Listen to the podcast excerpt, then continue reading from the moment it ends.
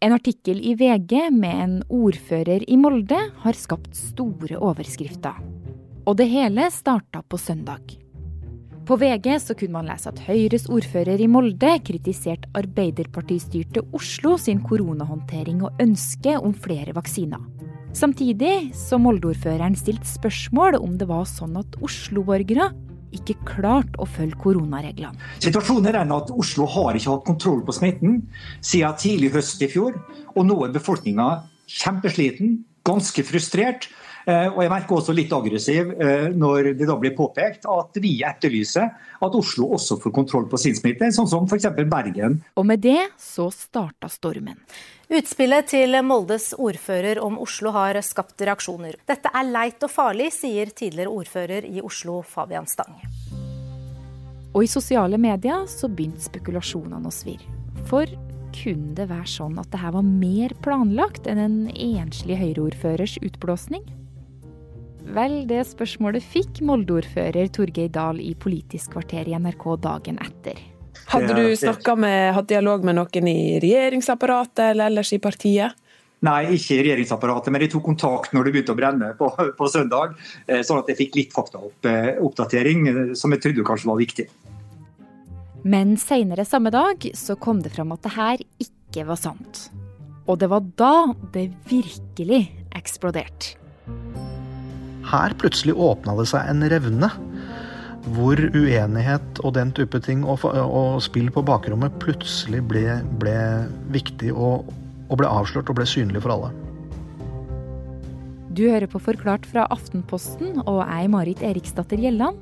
I dag er det fredag 5. mars.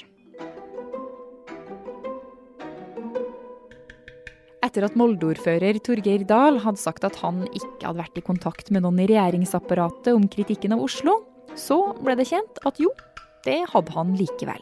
Faktisk så hadde en mann høyt oppe i regjeringsapparatet hatt en finger med i spillet, og hjulpet ordføreren med å få VG til å skrive om saken. Og mannen var ingen hvem som helst heller, men en av Erna Solberg sine nærmeste medarbeidere på statsministerens kontor. Statssekretæren hennes, Peder Egseth, en 34 år gammel, mørkhåra trønder. Og Eirik Mosveen, du er politisk redaktør i Avisa Oslo og har tidligere jobba i mange, mange år som politisk journalist i VG. Hva er essensen her? Det som er essensen her, er jo naturligvis det at eh, regjeringen utad har sagt at de ønsker at alle skal stå sammen i en dugnad. Dette er en situasjon vi står sammen i, og skal komme ut av sammen i Norge. Mens da statssekretæren til statsministeren har vært med å fasilitere et utspill som i realiteten er på en måte et angrep på uh, Oslo Eh, og på Oslos ledelse, men eh, også eh, ble oppfatta som man sådde tvil om Oslos innbyggere tok koronatrusselen på, en måte på alvor. Altså hjulpet til med et utspill som sto stikk i strid med det regjeringa han jobber for, hadde mana om hele pandemien.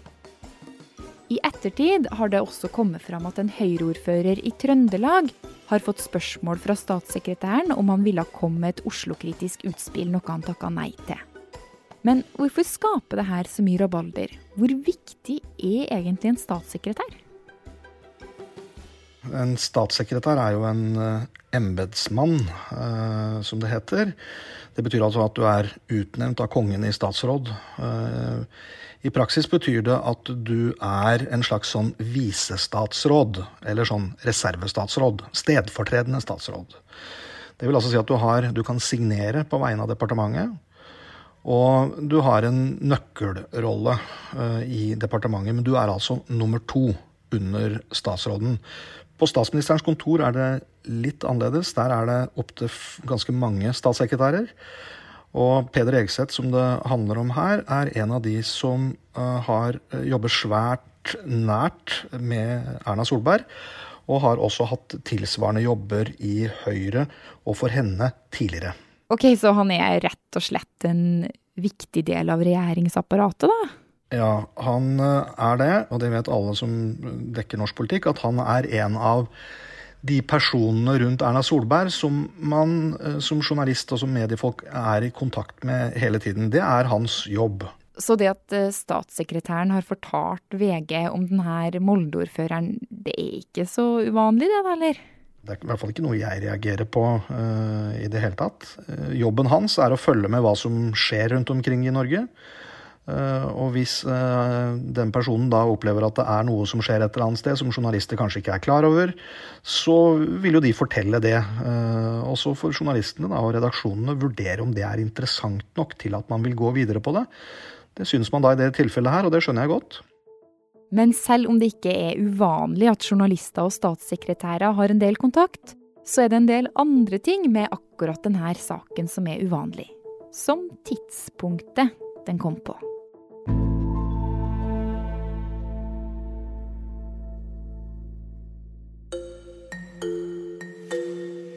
Molde-ordføreren sin kritikk av Oslo ble altså en enorm politisk sak på bare noen dager. Og selv om i denne saken er helt uproblematisk, så er det andre ting som er mer alvorlig, og som førte til at saken tok av. Og det er særlig fire grunner til det. Og den første handler om timing. For samtidig som statssekretær Peder Egseth hjalp fram utspillet mot Oslos koronahåndtering og ønsket om å få flere vaksiner, så var nettopp det noe regjeringa satt og vurderte. For i lang tid så hadde Oslo-politikerne bedt om at hovedstaden skulle få flere vaksinedoser enn kommuner med lite smitte. Dette er en kontroversiell sak, for de vaksinene må tas da fra et annet sted i Norge og flyttes til Oslo. Ordføreren i Molde er jo da sterk motstander av å endre den vaksinestrategien.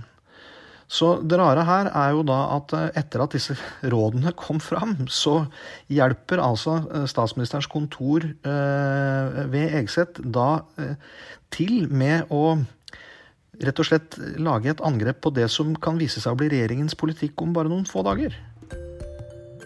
Den andre grunnen til at saken ble stor, har også med fordelinga av vaksinedoser å gjøre. Problemet er jo at han, eh, ordføreren i Molde, han, eh, og han taler jo her egentlig på vegne av veldig mange kommuner i, i Møre og Romsdal, hvor alle ordførerne i alle kommunene, uavhengig av parti, har undertegna et eh, krav til storting og regjering om å ikke endre vaksinestrategien. Sånn at de er knallharde motstandere av det de har sett er et mulig utfall, nemlig at noe flere vaksiner går til Oslo og det sentrale østlandsområdet. Så de er på en måte krigere her. Eh, og det er de i sin fulle rett til å være. Og det er en helt legitim oppfatning å ha. Men når, sta, når statssekretæren hjelper til med å få fram eh, det budskapet, ja, så autoriserer han jo på sett og vis dette også som noe som er greit for statsministerens kontor. Og da blir det et problem, fordi det som er i dette oppropet og det som er i det intervjuet fra Molde-ordføreren, det stemmer ikke helt med det innholdet Erna Solberg står for på Stortingets talerstol. Som er samhold og at man ikke angriper hverandre. Og det er også det at det er Folkehelseinstituttet på et faglig grunnlag som avgjør vaksinestrategien, ikke hvilke kommuner som roper høyest om hjelp, eller som er best til å krangle.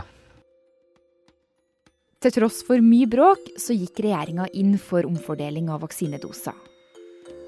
Når de mest sårbare nå er i ferd med å bli vaksinert, kan vi gå over til å fordele vaksinene etter antall innbyggere. Det vil gi kommuner med yngre befolkning flere doser enn med dagens fordeling. Men så var det det her med å ikke svare helt riktig på spørsmålet hos Politisk kvarter i NRK. Det er den tredje grunnen til at ordførerutspillet tok av. Og så siste grunn. Det er det som satte fyr på hele saken i utgangspunktet. Nemlig innholdet i Molde-ordføreren sitt utspill. Noe som fikk kritikk for å virke splittende mellom by og land. Altså En av grunnene til at det ble så sterke reaksjoner på dette, var nettopp eh, at han eh, gjennom en sleivete uttalelse skapte inntrykk av at han mente at folk i Oslo eh, ikke tok eh, smittevern alvorlig, og at det var en av grunnene til at smittene vokste. Og Det er klart, det er en ganske drøy beskyldning å komme med, og som er udokumentert.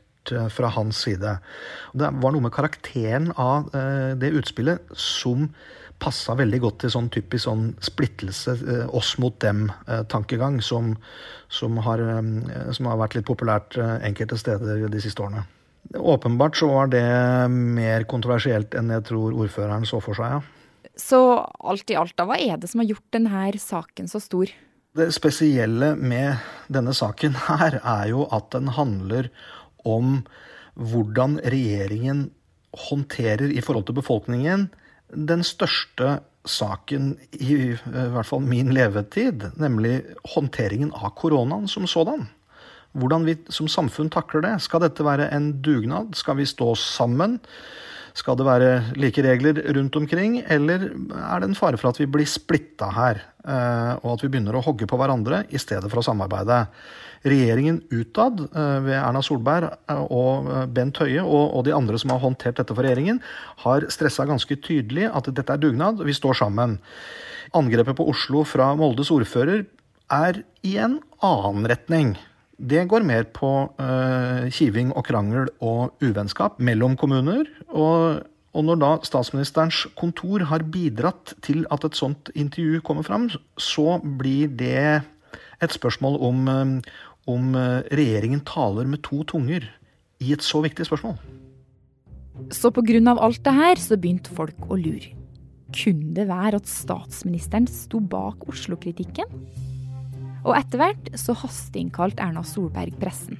Altså Grunnen til at hun uh, kalte inn til en hastekonferanse, som er veldig sjelden, uh, og som er veldig, også veldig sjelden at Erna Solberg gjør, så er det fordi at det begynte å bli ordentlig hett rundt øra på henne. Det å bidra til utspill som skaper konflikt mellom ulike kommuners håndtering, er ikke en oppgave for statsministerens kontor. Det Solberg sa, var rett og slett at statssekretæren hennes jobba med Molde-ordføreren og Oslo-kritikken uten at hun visste om det, og at det skulle han aldri ha gjort. I noen tilfeller var det lokalpolitikere som tok kontakt med Peder, mens andre ganger var det Peder som tok kontakt med dem. Dette burde han ikke gjort. Det har jeg vært tydelig på overfor ham i dag. Slike utspill er i strid med den tilnærmingen som hele regjeringen har hatt gjennom pandemien. Statssekretæren selv, Peder Egseth, har nå beklaga at han har bidratt til utspill og innsalg, som igjen har bidratt til å skape konflikt mellom ulike kommuners håndtering av koronasituasjonen.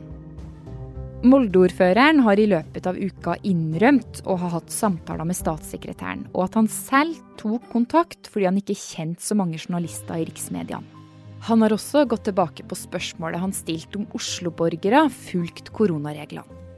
Og Erna Solberg har som tidligere nevnt sagt at hun ikke ante noe om hva hennes egen statssekretær drev med, og sagt unnskyld til byrådslederen i Oslo. Så hvor står egentlig saken nå? Der den står nå, så er den ikke så veldig alvorlig lenger. Med mindre det skulle vise seg at vi ikke har fått vite alt. Da vil jo alt forandre seg med en gang. Men der er vi ikke nå.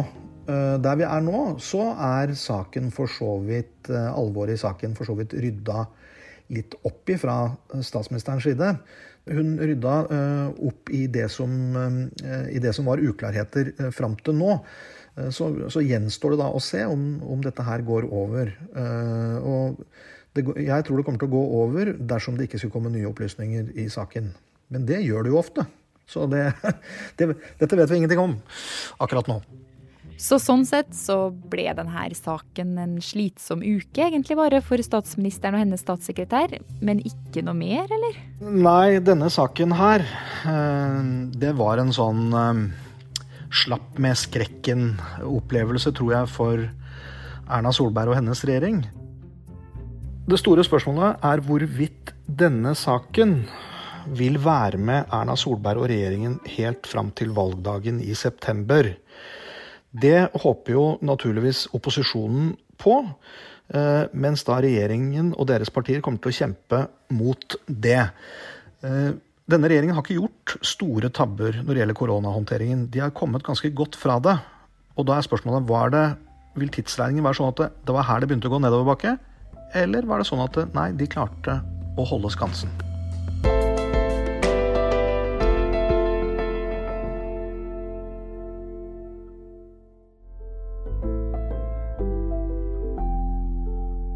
Denne episoden var laga av produsent Fride Næss Onsdag og meg, Marit Eriksdatter Gjelland.